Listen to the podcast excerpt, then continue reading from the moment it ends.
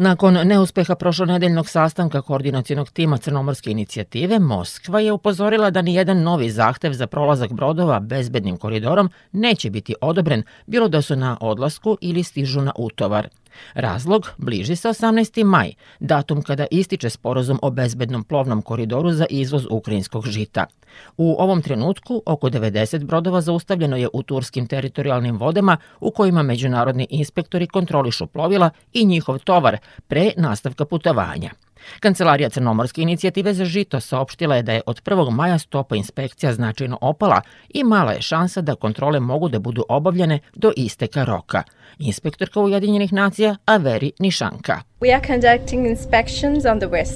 Obavljamo uh, inspekcije na plovilima koja prevoze žito. Verifikuju ih inspektori Zajedničkog koordinacionog centra u okviru Crnomorske inicijative. Inspektori dolaze iz različitih zemalja koje imaju drugačije perspektive, ali ovde radimo zajedno, sa istim ciljem. I to je prilično impresivno. Sada proverimo oko tri broda dnevno. Dakle, to je ono što mi radimo ovde. Prvi nagoveštaji problema stigli su već početkom marta kada je nakon dva četvoromesečna ciklusa primene Crnomorskog sporazuma novi, na insistiranje Rusije, oročen na svega dva meseca. Uslov koji je tada postavljen ostao je isti, reciprocitet i neomitan međunarodni platni promet koji je Rusiji uskraćen sankcijama. Ponovio je pre nekoliko dana to šef ruske diplomatije Sergej Lavrov, istakavši da su Moskvi do sada nuđene samo jednokratne alternative. To nije seriozno. To je neozbiljno.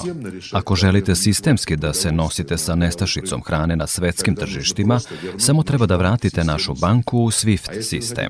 Ako želite da mi i generalni sekretar Ujedinjenih nacija trčkaramo od jedne do druge američke finansijske institucije i moljakamo za uslugu svaki put, onda ništa od posla. Ovo je sve usmereno na to da se zadrži kontrola nad svim što se dešava sa našim žitom i đubrivom da im se ne dozvoli slobodan pristup tržištima i izvoz u druge zemlje. E,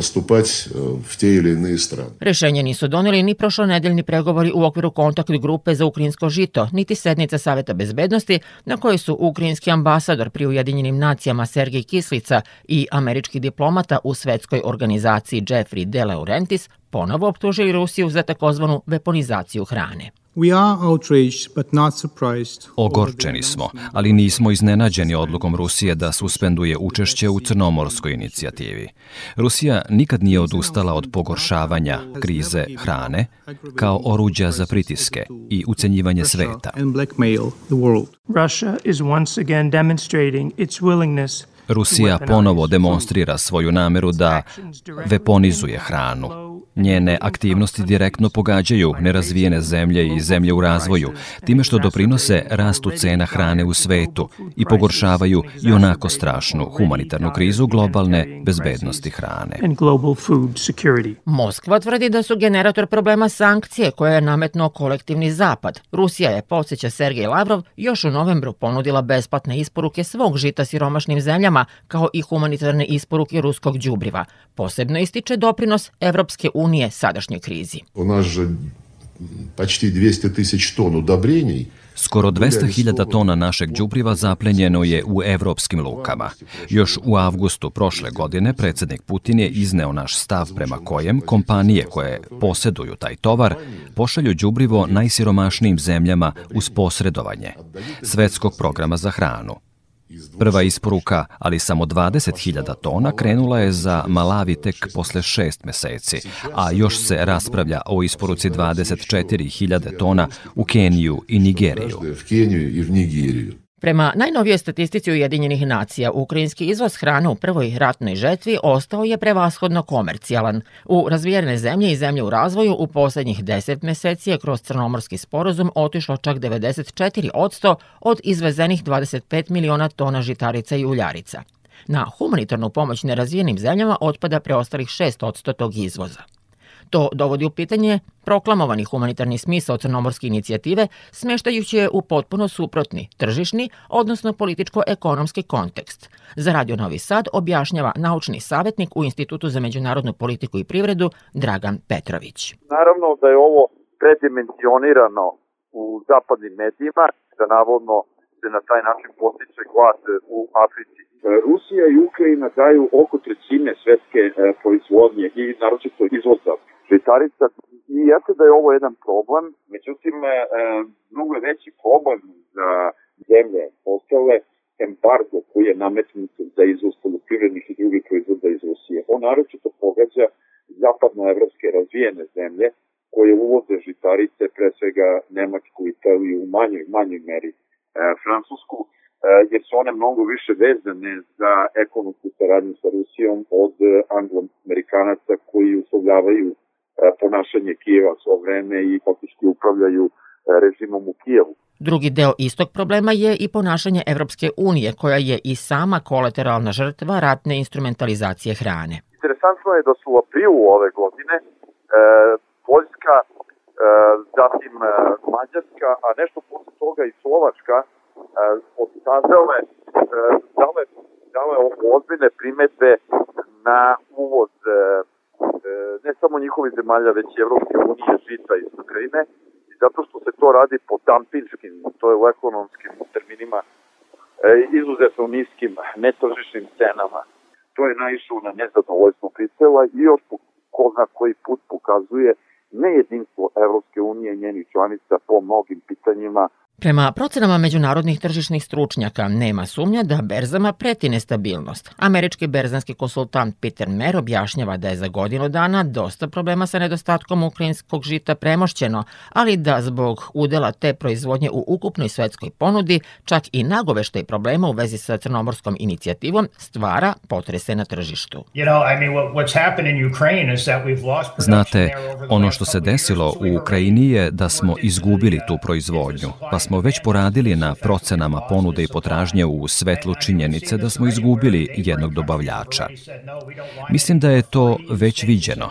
Poenta je da će tržište reagovati, ali manje nego što se sada čini. To bi moglo da ima blage inflatorne posledice, ali u sektoru žitarica i uljarica ne posmatramo samo Ukrajinu, nego čitav svet i globalnu ponudu koja utiče na cene. Na primer, prošlogodišnji rekordni prinosi soje pogodovali su biznisu. Kada je počeo rat u Ukrajini, svi su očekivali nestašicu ulja, a to se nije desilo.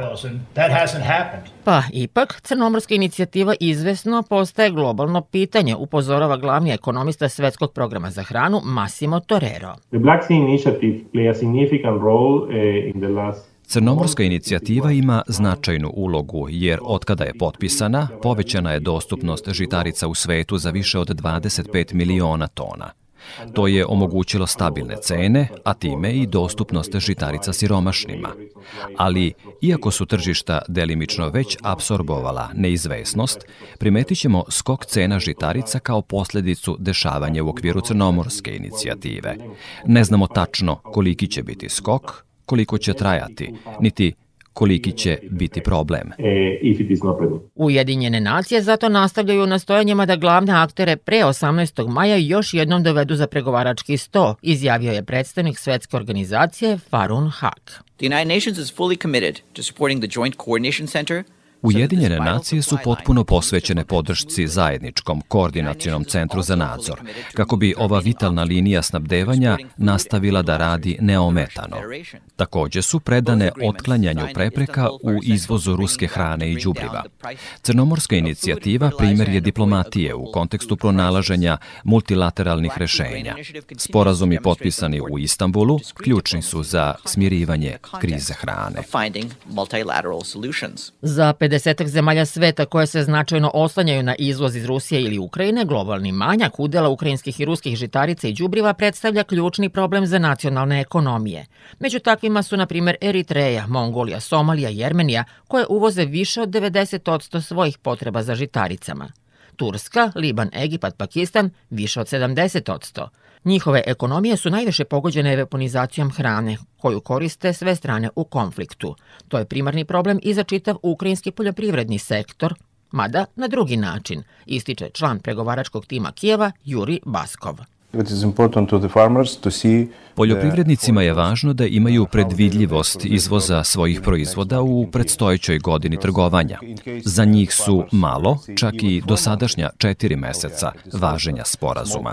Treba da važi najmanje godinu dana. To make it minimum one year. Upravniku silosa Volodimiru Sklerovu je prošlogodišnji sporazum spasao poslovanje, ali ove godine je mnogo više neizvesnosti. Utovar je, navodi, već sada prepolovljen. U tom году mi e, za sutke odružali mašinami 1000 tona. Prošle godine smo na kamione tovarili po 1000 tona dnevno, a sada utovarimo svega 20 kamiona. To je najviše 500 tona. No, ton 500 ми Upravnik traktorske jedinice Dmitro Svojak kaže da ovako loše vreme za poljoprivrednike ne pamti. Zajmaju že bili 15 rokів. Radim ovaj posao 15 godina. Ovo je najteža žetvena kampanja. Na probleme najnovijeg usporavanja isporuka crnomorskom rutom ukazuje i predsednik Udruženja ukrajinskih poljoprivrednika Leonid Kozačenko. It's not working Ne funkcioniše sve tako dobro kao što smo očekivali. Razlog je što imamo ograničen broj lučkih terminala. To znači novu neizvesnost u prodaji ovogodišnje letine budućim isporukama i cenama ukrinskog žita, koje su posle ratnog sunovrata nakon potpisivanja Crnomorskog sporazuma beležile oporavak. Naš sagovornik sa Instituta za međunarodnu politiku i privredu ističe međutim da su prvi udarci poljoprivredi te zemlje zadati ranije. I to ne od Rusije. U zaletu novih optužbi na račun Moskve prećutkuje se da je Ukrajina i pre ovog rata bila jedna od najsiromašnijih zemalja bivšeg Sovjetskog saveza sa dva i po puta manjim BDP-om od Rusije, čak i od Belorusije, naročito posle političkog razlaza Kijeva i Moskve, navodi Dragan Petrović. I to je rezultat e, te neoliberalne, neokolonijalne ekonomske e, koncepcije, tako da je paradoks dok kako je Ukrajina na punom evropskom putu od 2014. istina posle jednogodišnje krize i oružanih sukoba u gubitka Čina i dela istočnih teritorija ima sunovrat ekonomskih modela. Tu možda možemo tražiti i u poljoprivredi, jer ogromni prostori černozema u Ukrajini se koriste za proizvodnju najjeftinijih poljoprivrednih proizvoda, to su žitarice, dok sa druge strane Belgija, Holandija i druge zemlje koje uvoze žitarice iz Ukrajine uzgajaju druga skuplja poljoprivredne proizvode. Tako da mislim da je ovo jedna veoma teška situacija i za ukrajinsko stanovništvo. Dok traje rusko-ukrajinski konflikt sa sporazumom ili bez njega, pomorski transport hrane iz regiona Odese i dalje nosi rizike, pri čemu je najmanji zadržavanje tovara i plovila. Mnoge multinacionalne transportne kompanije zbog toga odbijaju da u Crno more upute svoje brodove – Takođe, sa svakim približavanjem isteka roka o bezbednim koridorima, transport iz Ukrajine dodatno usporava, jer opada broj rezervacija brodova za transport tom rutom. U martu ih je bilo skoro 500, u aprilu oko 350, a trenutno svega oko 100 rezervacija za prevoz ukrajinskih žitarica. Sitna zrna, veliki problemi i neizvesnost koja nikom ne odgovara. Sektor Plus. Svet sa naslovnice.